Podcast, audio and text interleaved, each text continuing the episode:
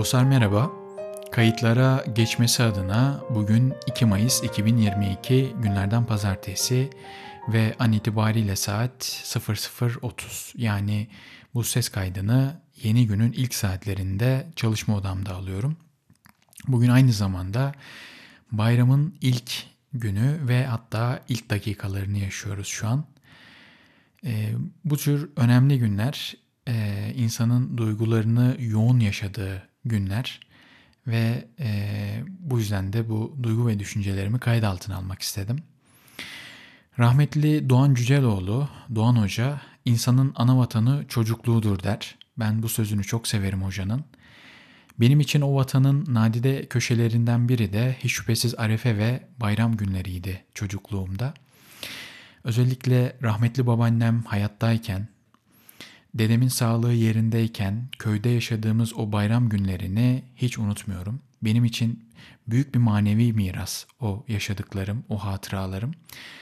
Ee, bayram demek çocuk için yeni elbise demek, ayakkabı demek, yemiş toplamak demek, harçlık toplamak demek.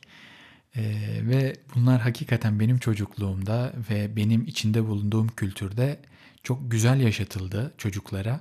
Bu açıdan çok şanslı hissediyorum kendimi. Ee, babam çok kazanan bir insan değildi. Bir torna ustasıydı ama elindeki avucundaki ne varsa onunla en iyi bayram elbisesini, en iyi, en kaliteli ayakkabıyı bize hep almıştır. Ee, bir de bizde erkek çocuklarına mantar tabancası alma e, kültürü vardı. Bunun da şöyle bir gerekçesi var. Köyde yemiş toplarken e, avlusuna girdiğiniz eve haber vermek için mantar tabancanızı patlatırsınız ve e, o evin sahibi dışarı çıkar ve size e, işte yemiş ikram eder. Tabii bu yemiş böyle fındık fıstıktan ziyade böyle işte işte milka çikolata, işte kitap veya işte bir meyve suyu veya işte e, yani çocukluğumuzda ulaşamadığımız o abur cuburlar olurdu genelde. O yüzden çok kıymetliydi yani. Şimdiki kadar e, böyle abur cubura ulaşmak çok kolay değildi benim çocukluğumda. O yüzden biz bayramların gelmesini iple çekerdik. Yemiş toplayacağız diye. Ve onları e, o yemişlerimizi de böyle 2-3 ay tükettiğimizi bilirim. Yani onları hemen tüketmeyip e, böyle peyderpey annem çıkarır bize verirdi. Ee, ve o işte alınan bize alınan bayram elbiseleri, ayakkabıları, işte o mantar tabancalarımı başucuma koyar Arife gecesi e, sabah ertesi gün sabah işte bayram olacak. Sabah sabahın olmasını iple çekerdim. O heyecanımı yani şu an tekrar yaşadım bu ses kaydını alırken. E, tabii büyüdükçe bu mutluluk e, kayboluyor, azalıyor.